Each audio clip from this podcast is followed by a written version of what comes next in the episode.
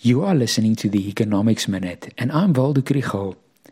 This week, the International Monetary Fund announced their forecasts for the growth of the world economy, and they predict that economies will grow much slower this year than they had previously expected. In some countries, there may even be contraction.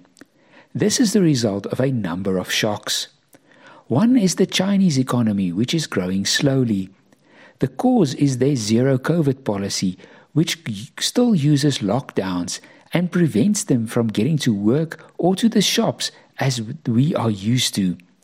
The Chinese economy grew by just 0.4% in the second quarter. There's also trouble in their real estate market, and consumer confidence has recently fallen sharply.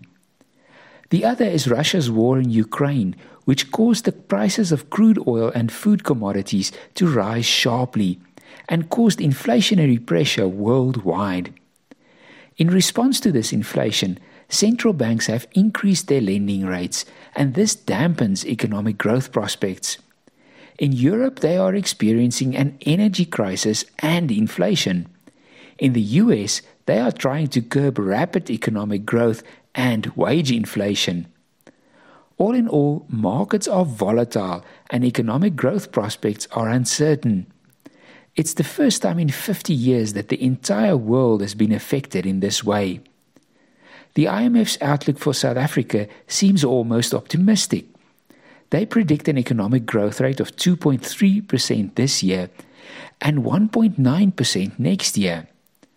There is little that we can do to mitigate these international shocks. It may be bad medicine, but the Reserve Bank must continue to fight inflation with the repo rate.